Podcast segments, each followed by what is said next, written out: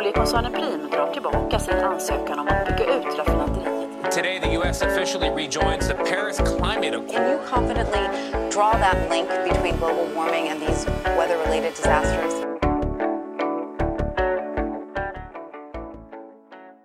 Välkommen till ett nytt avsnitt av Planet och politik med mig Lorentz Tovatt. Vad kul att ni är med. Eh, idag ska vi prata med skådespelaren som blev klimataktivist, Jonas Bane, som ju är ordförande för Klimatriksdagen. Eh, vi kör igång helt enkelt.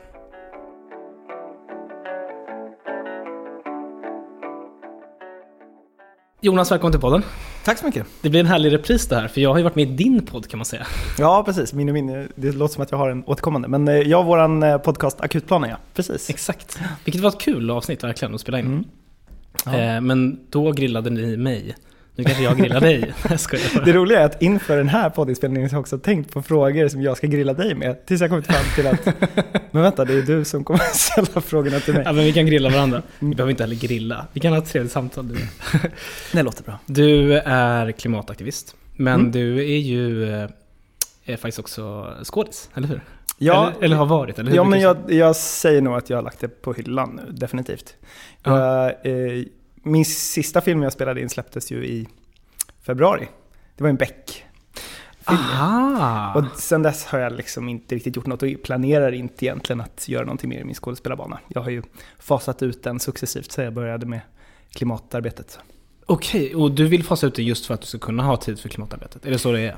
Ehm, Det börja, utfasningen började egentligen med att min passion ehm, försvann på ena sidan och höjdes på andra sidan. Mhm. Så jag märkte att jag började få ett mycket, mycket, mycket starkare driv i klimatfrågan än vad jag hade för hela kulturdelen av mig själv på något sätt. Mm, Ehm, Så det, det var lite som att ehm, det, det tog ut varandra.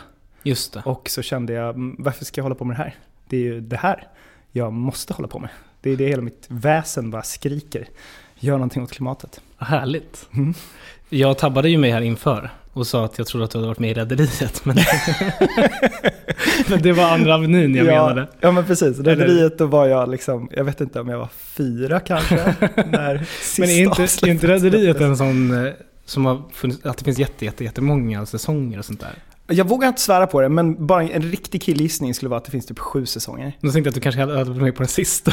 Ja men precis. Nej, men, och Andra Avenyn fanns ju ändå i fem säsonger. Vi gjorde 195 avsnitt. Jävlar. Så det var också en ganska, det var en långkörare liksom. Just det, just det. Nåväl, vi är här för att prata om eh, er... Precis, just det. Då ska jag säga, du är klimataktivist. Eh, Du är ordförande i Klimatriksdagen. Precis. Och vad är Klimatriksdagen för de som inte förstår det?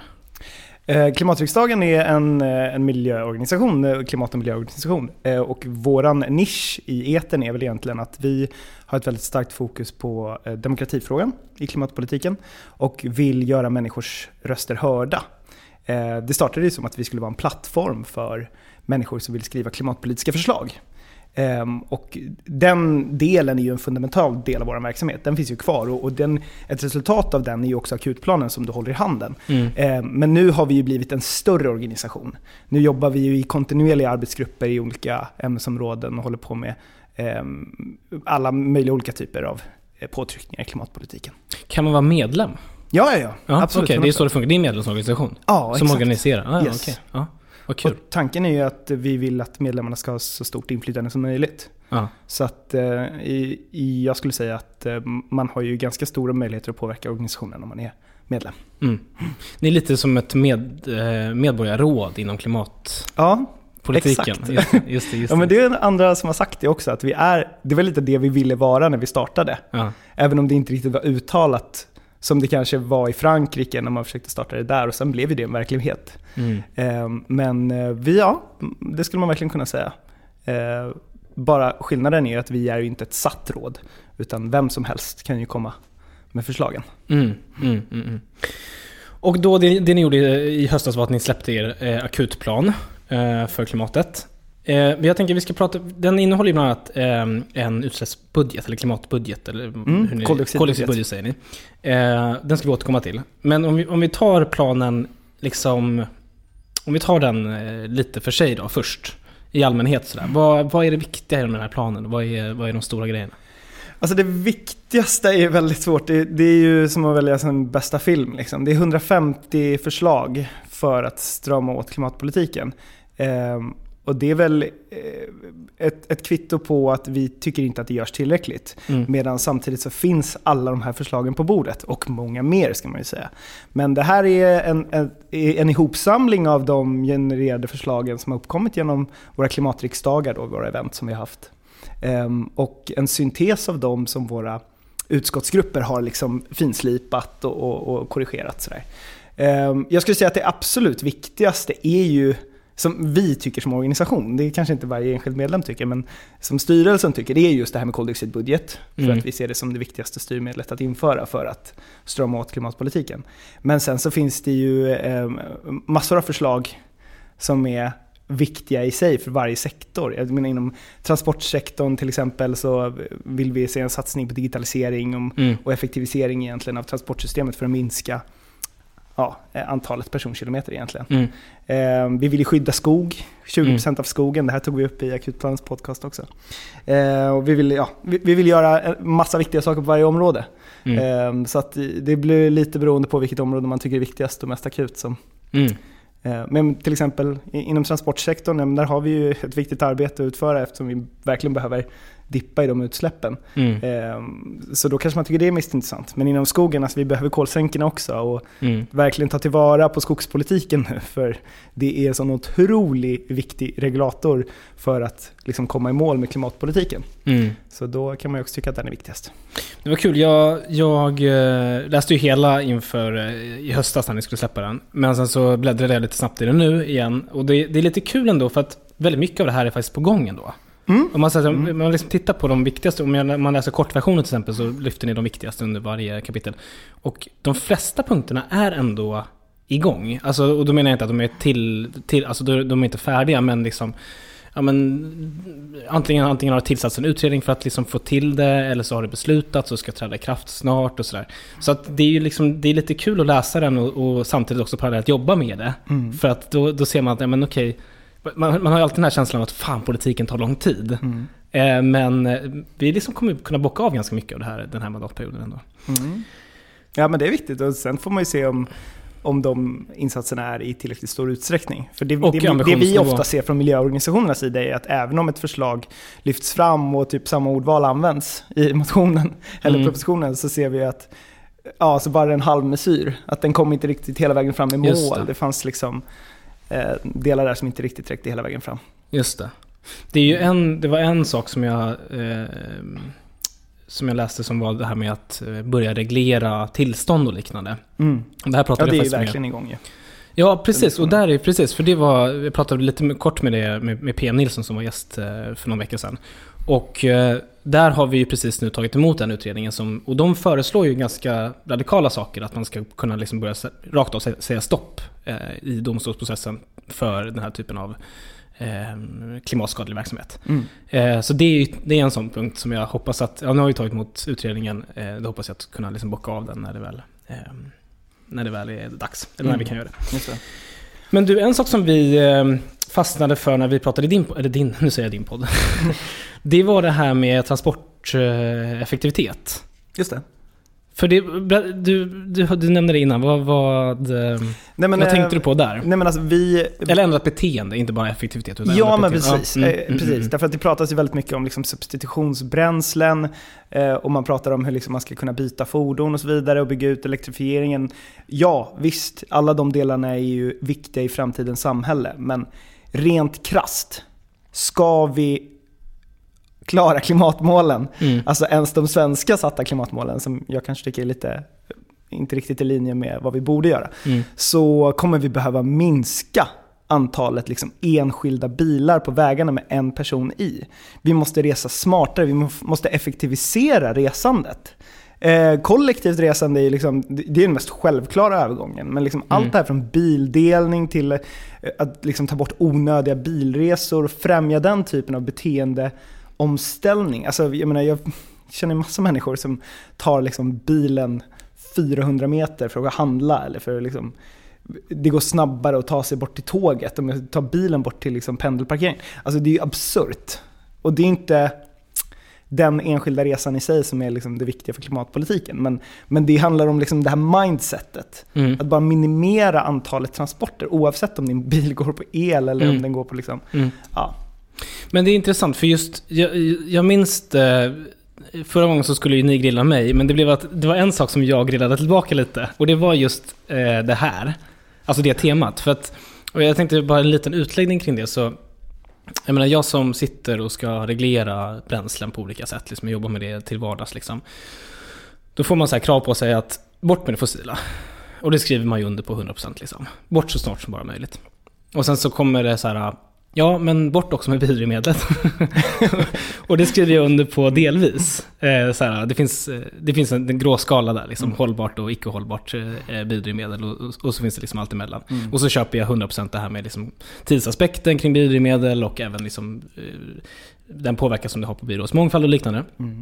Och så har vi en situation då där, man säger så här, först bort med fossilt, sen bort med dri- biodrivmedel. Och sen så kommer elektrifiering in där. Och då, ja men det är väl bra. Och där är det är väl kanske det bästa av de tre alternativen. Men även det har ju problem i form av liksom produktionsutsläpp och, och sen också jag menar, konfliktmineraler till batterierna och så vidare. Och kapacitetsöverföring i Sverige, bara kunna ha liksom ett fungerande Elnäten, nät. absolut. absolut. Eh, och, och, och väldigt ofta, för det, och nu kommer det låta som en hård kritik här nu, men det, men Kör, det, det, det är inte mot dig, utan det är liksom lite allmänt så här mot viss delar av miljörörelsen inte minst.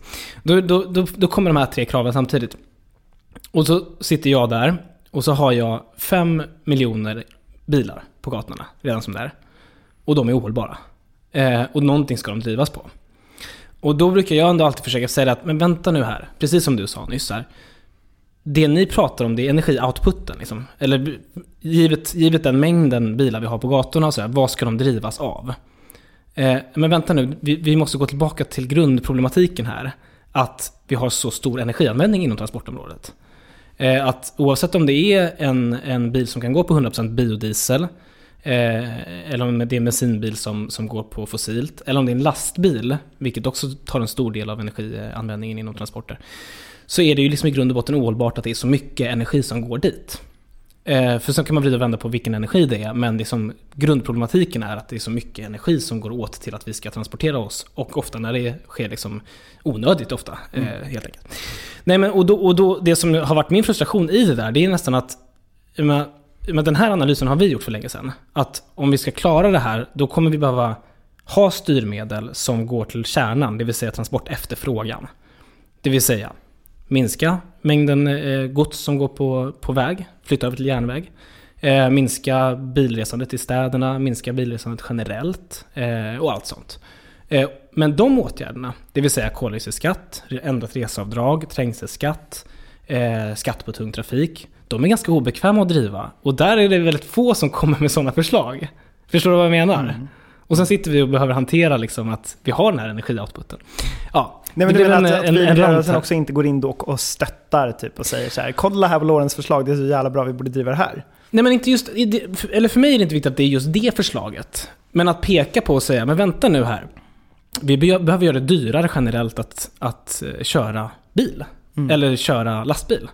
Alltså bara att, att liksom peka ut det som det stora problemet. Snarare än att sen gå till ett senare led och bara, bara liksom vara sura på energioutputen. Liksom. Ja, men jag, Vilket- tror, jag tror att du, Eh, För, för, mig, för mig är det så här att om man, om man vill minska fossilt och bio, då kan man inte säga bara minska fossilt och bio, utan då måste man gå till, till kärnan. Eller liksom ursprunget eh, av varför behovet uppstod från första början. Ja men precis. Och du det är också viktigt också för att undvika typ rekyleffekter och sånt som uppstår annars. Exakt, Men, precis. men, och jag tror att det finns väldigt många som eh, är hemma på sin kammare säger ah, vad bra, det här är ett toppenförslag liksom. Men sen kanske inte miljöorganisationen satsar sina kulor på att göra typ en kampanj för att stötta det förslaget. Eh, och det eh, förstår jag varför de inte gör, för att man har liksom fokus i miljöorganisationerna på att liksom peka ut på det som behöver förbättras. Eh, och det är inte alltid så strategiskt då kanske. Mm. Eh, men samtidigt är det vanskligt för en organisation så fort man börjar förknäppas med ett visst parti. Parti, exakt. Ehm, och det, det tycker jag att det, det får det lov att vara. Man kan hitta allianser i andra delar av civilsamhället än just miljöorganisationerna kanske. Som Mm. inte är lika känsliga för liksom, partipolitisk inblandning eller liksom få stöd i någonting. Men ehm, Sen det finns en förbättringspotential också, ska jag säga. Ja, jag alltså, jag menar, ja. Det är klart vi kan göra oheliga allianser kring viktiga frågor där vi pragmatiskt måste förändra beteenden. Mm. Så att, eh, nej men alltså, gör en outreach, kolla läget nästa gång. Se om vi kan göra någonting Nej men för jag tänker, men, och egentligen det, jag, allt det här som du säger, det, jag, jag fattar det och jag köper det. Och liksom så här, det vi får ju aldrig hamna i en situation där liksom en miljörörelse ska liksom vara någon form av beställarautomat för liksom vissa styrmedel. Men, men det, jag tänkte på det, så här, att skydda mer skog till exempel. Nu, jag tror, vad sa ni, 20%? Mm. Vi vill, jag tror vi vill gå längre än så till exempel. Men så där har vi ju liksom en där har vi samsyn och det gör ju inte att ni nödvändigtvis förknippas med Miljöpartiet eller liksom att Nej. det blir tufft för er på det sättet. Det. Men sen förstår jag att vissa av de här jobbigare frågorna, opinionsmässigt jobbigare frågorna, de, de kanske är tydligare kopplade till Miljöpartiet och därför så skulle det, ja, jag vet inte. Men, Mm. men, men ett alternativ där är ju naturligtvis att titta på så här. Okej, vi kanske inte behöver driva just exakt det, men finns det andra sätt man kan göra för att fördyra eller liksom, ja. Mm. Jag vet inte, det, det är inte... Nu finns det ju ett gyllene tillfälle också i och med pandemin då. Eh, Mm. Alltså, jag har ju absolut inga siffror på hur Sveriges transporter sett ut under året, men jag kan Mm. bara tänka mig att de har störtdykit, må- många av liksom, Absolut, eller framförallt flyget. Ja, Ja. ja. men precis. Framförallt flyget. Men kan man också tänka sig liksom att eh, det har skett mycket mer varuleveranser med typ hemleveranser och sånt som har effektiviserat. Att alla inte behöver åka ut till köpcenter eller åka och handla utan folk beställer hem. Det är ju en effektivisering av transporterna. Då kan man ju också peka på den här situationen och säga titta här, Mm. det här fungerar jättebra. Ehm, och det här borde vi bara bibehålla till Mm, exempel. mm, Sen, mm, mm. Där får man ju också se upp med rekyleffekter, så folk inte börjar beställa liksom, en ny grej varje dag och får en varuleverans två Nej, gånger om exakt. dagen. Liksom, för den, Mm. den risken finns ju Mm. också. Men ehm, ja, det finns ju ett gyllene tillfälle att peka på fördelarna i alla fall. Ja, men verkligen. Och jag, bara för att, nu, det låter som att jag är sur, det är jag verkligen inte.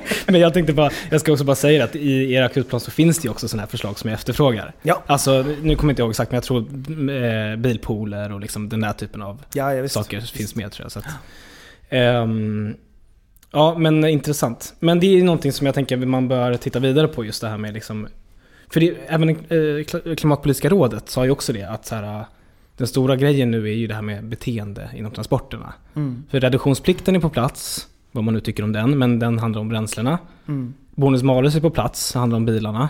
Ja men då är det beteendet som är kvar. Mm. Bilen, bränslet, beteendet. Liksom. Ja, och där är vi liksom nära en, en diskussion om det. Sen finns det ju områden, framförallt två områden tänker jag på, som det inte pratas lika mycket om, men som är minst lika problematiska. Det ena är livsmedelssektorn och jordbruket, Mm. där vi har liksom, eh, enorm förbättringspotential Mm. eh, och också många liksom, lågt hängande frukter kvar egentligen. Mm. Eh, den andra är industrin. Mm. där vi behöver sätta oss ner och ha en ordentlig diskussion kring liksom vad, vilken väg framåt ska vi välja här för, för svensk industri. Hur, och kommer liksom de här färdplanerna som har presenterats, ja det är jättebra att det finns en ambition där att gå i rätt riktning, men kommer vi hinna gå i den banan i tid? Mm. Eller kommer vi behöva mer koordinerade insatser från statligt håll för att faktiskt få svensk industri att, att gå ihop med klimatmålen? Mm. Ehm, Så de två sektorerna tycker jag också man ska lyfta lite särskilt och ta en titt på. Mm. Och där är det ju, där, när det gäller industri så känns det som att det går ganska mycket åt rätt håll när det gäller stål och järn. Mm, de är ju på, på banan. På banan de liksom, projekten. även om det kanske liksom riskerar att dra ut på tiden, vilket inte är bra. Liksom. Men, men cement är ju långt ifrån i min bild. Ja. Men det är ju liksom jättesvårt. Ja, och där kanske vi verkligen måste börja titta på, eh, alltså, är det nödvändigt alltid att ha cement? Eller finns Mm. det substitutionsmaterial vi skulle kunna använda? Eh, skulle vi kunna avstå från att använda cement på andra sätt genom Mm. att liksom, ja men då bygger vi inte den här grejen. Mm. För att vi kan inte bygga den i något vettigt material. Mm. För att cement ju, de har ju liksom processutsläpp som inte går att komma ifrån. Eh, en, alltså det är CCS-tekniker, framtidsteknik, som är liksom enda vägen framåt där för stor del av cementutsläppen. Det ligger liksom inte ens på ritbordet riktigt vad det är som ska sänka utsläppen från cementindustrin. Nej, Så. verkligen. Och där är för övrigt också, eh, det, det här ska absolut inte lasta dig eller klam, eh, eh, akutplanen, men eh, eh, lik, en liknande diskussion finns alltså faktiskt i, inom bebyggelse. Att, ja, men, så här, vad ska vi bygga våra bostäder av? Och då är det så här, men, cement, betong, ohållbart. Okej, men då sitter på träd. Nej, men det är inte heller hållbart. och samtidigt så står det ju jättestora ytor som är tomma och som inte används. Mm. Så det, det, fan, det, det borde ju verkligen någon bara ta tag i och, och ha en så här jätte... Liksom ambitiös politik för att nyttja alla befintliga ytor bättre. Så att vi inte behöver bygga nya bostäder i samma utsträckning som vi gör nu. Ja, visst. Och jag tycker det är märkligt att vi inte har sett en större diskussion om hur vi använder liksom kontorslokaler. Det är några ställen jag läste om kontorslokaler som byggs om till bostäder faktiskt. Ja, Eh, för att de har stått tomma i ett år i princip. Ja. Och man inser att men det går jättebra att driva det här företaget ändå. ja, Eh, och mer den typen av diskussion även på politisk nivå ja. eh, undrar jag varför man inte har sett. Men eh, det är väl också lite, man ska inte in och tala i vad folk ska göra med sina fastigheter. Men man kan ju ge incitament med olika styrmedel Ja, och sånt. exakt. Och en sak som ni nämner är ju rotavdraget. Och det, Ja, det vill jag det. verkligen... Alltså för där skulle man kunna titta på... Jag, jag, jag har fått en, en ny idé kring det faktiskt. Som, det här är inte förankrat i mitt parti, så jag, men, men mm, vi har ju tidigare drivit att man borde liksom göra om det till ett energieffektiviseringsavdrag. Så att det, och, och, liksom, och sen så har vi ju också gjort nu så att man kan få solceller och sådär. Så det är Mm. bra. Eh, men man borde ju kanske kunna få göra rotavdrag för att till exempel renovera så att man kan få så att man kan hyra ut en del av sin lägenhet. Ja, För idag så. sitter det jättemånga äldre människor med sina drömlägenheter men de är lite för stora. Ja, varför ska de ha hela den då? Gör om det till så att du kan hyra ut en, en del av dem så slipper vi bygga Men är rotavdrag liksom rätt väg framåt där då? Jag vet inte, det var en idé som... Ja. Jag, Jag tänker att man skulle kunna hitta på någon så här skattereduktionsidé. Men det är ju så det är utformat typ. Eller liksom man får väl en Ja reduktion precis, på Nej, själva... men jag, jag tänker utanför liksom ramen för själva Ja, ROT-systemet. ja, jo. för då, då handlar det alltid om att så här, ja, men då ska vi bygga om här. Ja. Då ska jag liksom få avdraget för att sätta in en ny dörr eller en skiljevägg eller något sånt där. Men det kanske går att lösa genom att bara stänga den där dörren som redan finns där och låsa den. Eh, Ja, ja, så att, så att liksom avdraget är för att man delar bostad och inte för att man bygger om bostaden. Liksom. Jag tror fast att det redan finns. Jag kommer ihåg att det var en jättedebatt för några år sedan. Okej. Att så här, för det, eller jag tror att det, eller det finns ju det här schab- schablonavdraget som man får göra för hur mycket, för hur mycket man måste beskatta Ja. eh, en del av sin bostad om man hyr ut den. Jag tror det. Jag är lite os- Ja, skitsamma. Det här kan jag, Men det där kan man inte- deklarationspolitik i mitt huvud, jag är så långt borta från det. Där. Men det vore kul, alltså det tycker jag bara så här, det vore kul om de bara gick på, gick på djupet i hur nyttjar vi egentligen våra, vårt bostadsbestånd verkligen. optimalt från och med nu. Mm. Alltså så här, det är klart att vi kommer behöva bygga bostäder även i framtiden, men, men vi behöver inte bygga kanske i den takten som många tror att vi behöver bygga. Nej. Du, jag vet att du eh, verkligen vill prata om eh, eh, koldioxidbudget, så, så go ahead, vi kör. Vad, Nej, men eh, det här finns ju med som förslag redan i, i Ja. aktionsplanen eh, och vi eh, har ju liksom länge egentligen tittat på koldioxidbudgetar lite sådär från sidolinjen medan vetenskapen har pratat om det. Eh, Och här har det liksom legat ett styrmedel som är ganska självklart framför oss. Eh, hur man kan liksom koppla ihop politiken med vetenskapen. Mm. Vi har ett, eh, och det här, jag tror att också så här, väldigt många människor har inte förstått det här med att det finns en väldigt stor skillnad i hur man når ner till noll och hur snabbt man gör det. Mm. Därför att det är de ackumulerade utsläppen, alltså det man släpper ut på Berätta det vägen i detalj nu så man förstår vad du... för Jag ska tror det här, försöka. ja, ja. Ja, nej men tänk dig att, eh, att vi har, vi har 1000 kronor. Det är vår budget. Eh, nu ska, nej, jag, jag gör om. Jag gör ett nytt exempel. Shit. Om vi, om vi tittar på svensk klimatpolitik idag så har vi ett målår. 2045 ska vi ha netto noll. Ja. Principiellt skulle vi kunna ha en jämn utsläppsnivå som vi har idag, 10 år framåt, och sen störtdyka Ja. ner. Då har vi släppt ut, eh, ja men säg någonstans mellan 500-600 miljoner ton koldioxid under den tiden. Vi kom ner till noll 2045. Med en koldioxidbudget, då ser du att okej, men det här är den totala mängden vi får släppa ut fram till 2045. Och den kanske bara är 260, vilket den ungefär är, eh, där någonstans. Och 260 Miljoner miljoner, ton. ton. Ja. Mm, just det. och då, det, och då innebär ju det att okej, men då måste vi störtdyka ner nu. Liksom, för att kunna liksom ha det här budgetutrymmet hela vägen fram till 2045. Annars så förbrukar vi vår budget om 5-6 år och då måste vi liksom gå från 50 miljoner ton, eller 50 liksom, tusen ton till noll direkt. Mm. Så att, eh, det, är de, det är de här liksom, det ackumulerade massan av koldioxid vi släpper ut under tiden Mm. är avgörande. För det är det som bestämmer hur stor växthuseffekten egentligen blir. Mm. Så att det handlar inte bara om att vi ska ha noll år någon gång i framtiden, utan det handlar om att vi måste ju sänka våra utgifter nu, radikalt. För att komma ner i liksom, det- blir ju våran skuld. Mm. Så man kan tänka att ju, ju liksom mer vi släpper ut på vägen, desto högre blir skulden eller räntan på skulden. Mm. Eh, Men om vi dyker nu liksom och verkligen tar tag i det här och kommer ner till noll så fort som möjligt inom ramen för det här budgetutrymmet, ja men då eh, kan vi liksom klara Parisavtalet Mm. och de här målen. Eh, för det är ju liksom det som är avgörande för om vi passerar tvågradersmålet eller inte. Mm. Och, då ska man aldrig glömma bort göra kopplingen till att tvågradersmålet är bara inte bara ett politiskt mål, utan det är ett vetenskapligt satt mål för när vi förmodligen får irreversibla klimateffekter som vi inte kan komma tillbaka ifrån. Mm. Vi får ett nytt klimatsystem på jorden och vi är inte säkra på om vi kan överleva det. Mm. Men precis, för det, det, den springande punkten i ditt resonemang är ju egentligen att eh, det är ju alltså växthuseffekten som är det viktiga här. Alltså ja. det är det man måste förhindra. Och då är liksom, om man tänker sig den här situationen som du målade upp i början, att, att vi bara fortsätter släppa ut som vi gör idag och sen störtdyker vi ett år innan vårt mål. Och då har vi ju, ja, det är bra att vi når, når, når målet, men alla de utsläppen som har ackumulerats under den tiden, de kommer ju ligga kvar i atmosfären och fortsätta värma planeten. Precis. Att det är det som är det viktiga här, att mm. liksom, hur man når målet är, Mycket viktigare. är jätteviktigt. Liksom. ja. Nej, men då det är det som är så eh, dubbelt när man tittar på klimatpolitiken, till exempel det här med fossilfria färdplanerna. Mm. De har ju liksom satt utifrån, att vi ska nå mål 0 2045. Ja. Men tittar man på de totala utsläppen från de här färdplanerna, liksom hur de når dit, ja, men då har vi ju passerat tvågradersmålet by far. Alltså, Exakt. Det, och då är det liksom och det blir också konstigt då till exempel med Preemraff, som jag alltid tar som exempel med Preemraff. men det blir också, för då säger de så här att ja men vadå, vi ska släppa ut jätte, jättemycket i det här raffinaderiet. Men vi lovar att strax innan 2045, då kommer vi ha ställt om det. Och då blir det så här, ja men det, allt det ni släppt ut fram till 20, 2045, det, är, det ligger kvar mm. i atmosfären och det kommer fortsätta värma vår planet i mm. hundratals år, och det är liksom, eller tusentals år. Liksom. Och det ja, men, och, är och du understryker ju poängen här. Alltså, företagen och allmänheten har ju sett det här politiska målet till 2045 och tänker att ja men okej, det är det som är målet. Vi ska mm. ner till 0 2045. Och då har man ju missat liksom hela växthuseffektens liksom funktion, att det handlar mm. om hur mycket vi ackumulerar i mm. atmosfären. Mm.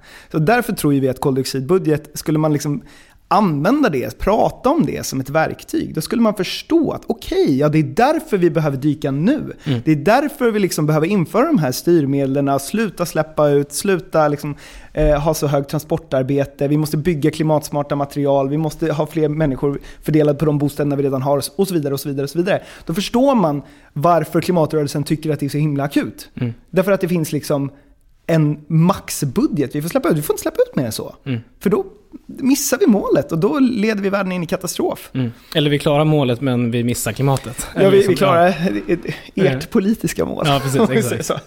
Men precis, och då ska jag bara säga att jag håller med dig till 100% men också för att lite nyanserat så ska vi säga att vi har faktiskt också ett mål till 2030. Mm. Och det gör att ja, vi ändå... Men, Helt här, otillräckligt, men det har ni. Precis, att det, ju, det gör ju att vi... Eh, om man tänker sig att man ska nå liksom funktionen av, ett, av en koldioxidbudget så, så är vi inte halvvägs dit, men vi är på en väg dit eftersom vi har liksom ja. etappmål fram till 2045 också. Men det, man kan, för att sätta det i perspektiv så behöver vi för att liksom hålla oss till en klimatbudget som, som leder oss ner till noll. Ja, precis. Låt oss ta det. För att den ska vara då vetenskaplig och inklusive rättvisa... Eh, eller ja, vi börjar med vetenskaplig, sen tar vi rättvisa aspekten också. Ja, men ja. precis. För att den ska vara vetenskaplig så behöver vi i princip eh, på en global skala ha halverat våra utsläpp eh, till 2030. Mm. Um, alltså, och nå noll till 2050? Ja, 2040 om man inkluderar eh, våra konsumtionsutsläpp. Men du tänker globalt? Jaha, eh, globalt. Ja, nej precis. Då är det till 2050. No. Jag var inne på det svenska. Ah. Mm. Så då, men, men för Sveriges del, för att vi ska göra våran del av kakan, ah. så måste vi dyka snabbare. Vi ja, ja, självklart. Ner, ja, och vi Precis. måste ju ner liksom, våra territoriella utsläpp måste ner till noll redan 2035. Om vi Exakt. liksom ska Exakt. Det, precis, det är, och precis, vänta, här ska vi bara säga så att om man tänker bara vetenskapligt så kan det nog räcka senare än 2035. Men mm. sen kommer hela rättvisaspekten. Ja, och det gör att vi kommer på 35 tror jag. Eh, exakt, precis. För då tänker man så här att... Och då måste vi också ha minskat, inte med 50% till 2030, utan med 70% till 2030. För att vara ja. på den trajectoryn så att säga. Just det, och då när vi säger rättvisa aspekten så menar vi att eh, om, man, liksom, om man, tänk, man tänker sig att världen ska liksom nå noll i olika faser och då tänker man att det finns fattiga länder som, som eh, kan nå det senare.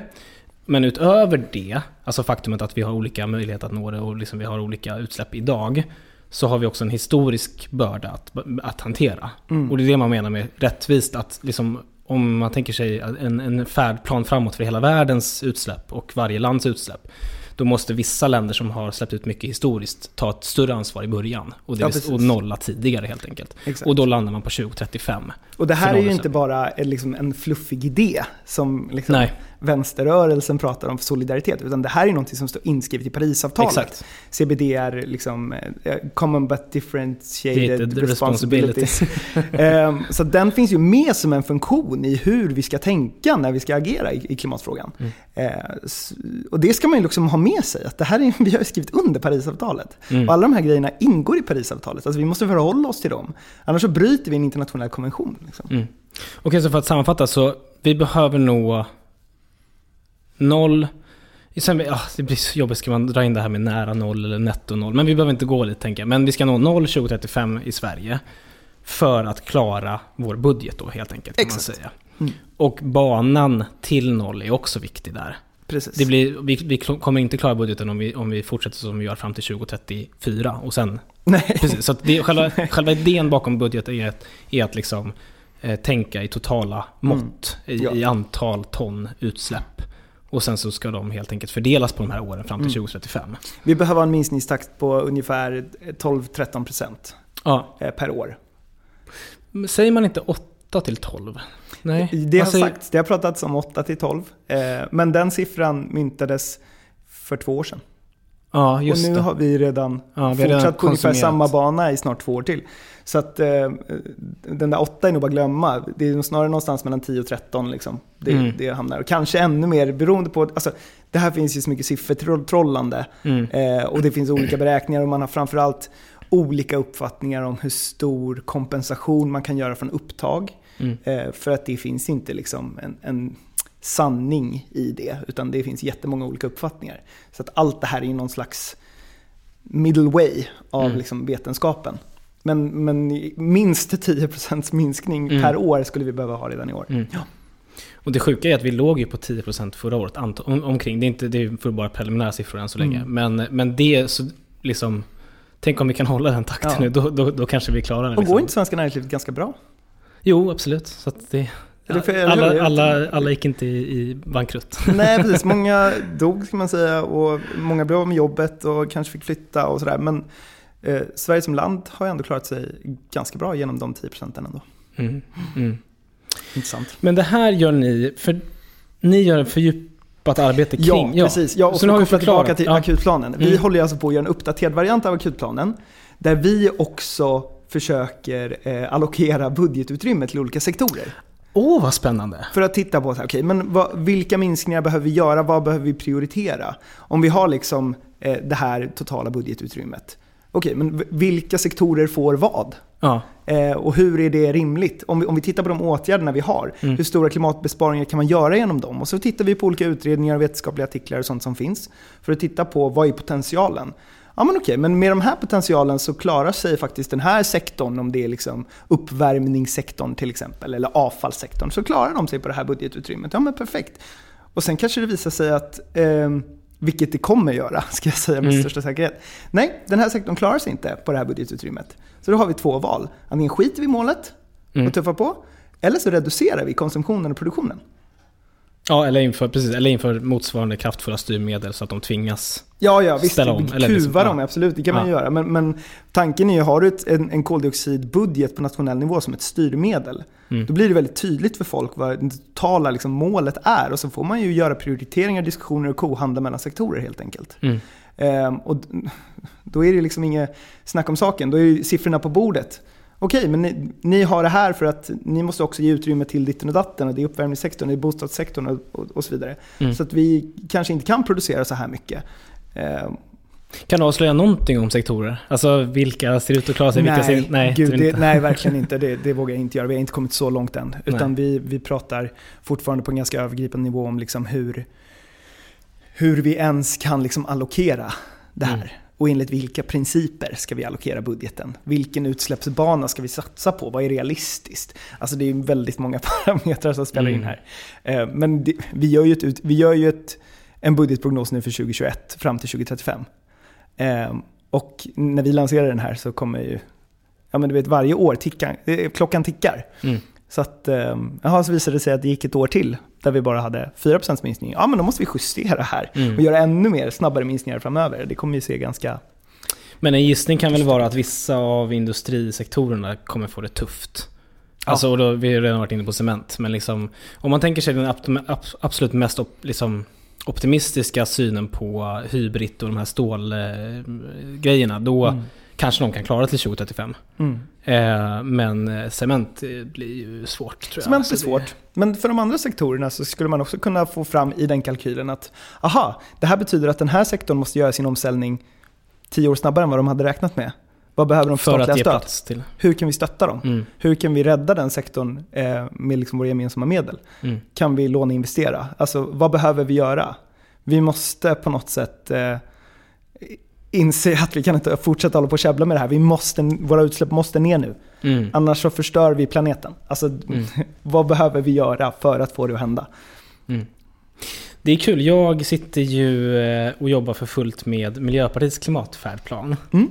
Oh, Och vi ska ju lansera den relativt snart. Ja, när då? Eh, men vi, den har faktiskt typ klubbats nu. Men Okej. den ska liksom gå- genomgå språkbehandling och liksom lite olika saker. Vi ska Mm. också ha en fak- faktagranskning av forskare och sådär. Är den också så här utsläppsberäknad? Ja, alltså det är ju det som är svårt. För att vi, vi har haft den ambitionen att vi vill kunna, liksom, det ska vara en färdplan, vi ska kunna peka ut hur mycket utsläpp vi kan Mm. tillåta i olika sektorer och liknande. Det, det svåra, vi är inte en myndighet. Alltså för att liksom verkligen kunna göra det, då ska du kunna ha liksom, då måste du ha en, en liksom bred, ja, liksom en berednings, eh, liksom, vad ska man säga, stab som sitter och jobbar med det Mm. på forskarnivå nästan. Eh, så att det, det har vi nog inte kunnat göra. Men däremot så tror jag ändå att jag vågar utlova att den är väldigt ambitiös. Och just Okej. det här med utsläpps eller klimatbudget, koldioxidbudget eh, låter väldigt intressant även för oss kan jag Mm. säga. Fan, Intressant. det är nästan som att jag avslöjar saker här. Men, men, eh, nej men absolut, så vi har ju absolut blivit inspirerade av, av er akutplan. Ja. Vad Eh, kul att höra. Mm, För jag menar, det är ju väldigt många människor som lägger ner ideell tid mm, på att hitta fakta, sitta i grupper, diskussioner, sena möten utanför sin Ja, ja, arbetstid ja. och så här. Eh, måste bara ge en shout-out till, inte bara alla människor i min fantastiska organisation, utan alla i miljörörelsen som lägger så mycket tid och energi på det här. Det är väldigt kul att höra att det i alla fall stundtals ger frukt. Eh, Ja, men det är extremt uppskattat. Mm. Verkligen. Jag menar, det är ju när man ska sitta och skriva en sån plan. Vi landar väl på, vad är det, 70 sidor plan liksom. Eh, också över 100 åtgärder och bla bla. Mm. Menar, det är ju att då kunna få massa inspiration från massa olika håll. Det är ju, eh, annars hade vi inte kunnat landa så, en sån plan liksom. På det Nej. Eh, så det blir spännande, men det får vi återkomma till. Men du, vi ska börja runda av, men eh, vad, eh, så nu tittar ni på budgeten. Vad är, vad är ert nästa steg? Har ni några nya? Eh, Vi kommer ha en eh, koldioxidbudgetkonferens. Ja, ni kommer ha det? Ja, 26-28 maj har vi det tillsammans med Uppsala universitet. Alltså Där- detta år? Ja, absolut. Okej. Om, ja vad är det, fyra, fem, fem veckor?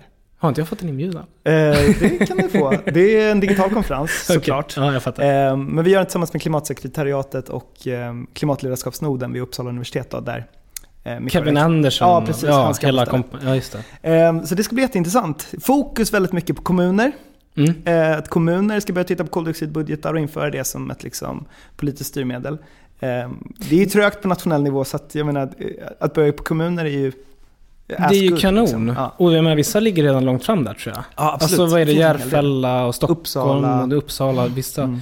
Faktum är att jag tror att Norr, eh, i Oslo var den första kommunen som hade, och de har typ, jag tror, jag tror att deras budget är världens mest ambitiösa. Så det är, och det är, Det, grejen är att systemet måste harmoniseras. Vi måste hitta gemensamma Mm. beräkningsmetoder. Vi måste Mm. liksom, Det finns jättemycket klimatambitioner runt om i Sveriges kommuner som vi måste ta tillvara på. Och de måste få hjälp och stöd i hur kan vi arbeta på ett harmoniserat sätt så att alla räknar på samma sätt och använder styrmedlet på samma sätt och sådär. Så det är lite ett av syftena med konferensen. mm, mm, mm, just det. Eh, sprida informationen och, Mm. kunskapen. Det är tre Jättebra. dagar. Det, det är, första dagen är forskningsdagen, då är det massa forskare. Andra dagen är kommundagen och tredje dagen är civilsamhällesdagen som vi håller i.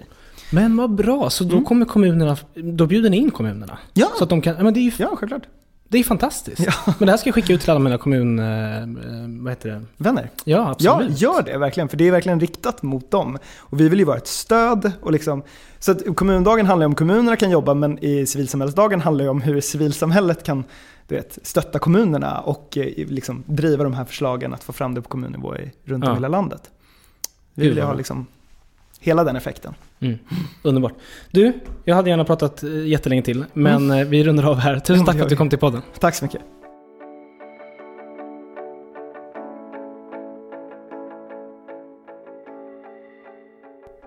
Tusen tack för att du har lyssnat. Eh, och som sagt, det skadar inte att du skickar den här podden till dina kompisar om du tycker att den är, innehåller något bra. Eh, och jag nås ju enklast via Instagram eller Twitter och jag vill passa på att tacka Christian Hann som hjälpt mig med ljud, klippning och eh, vignett. Och vi hörs igen om en vecka.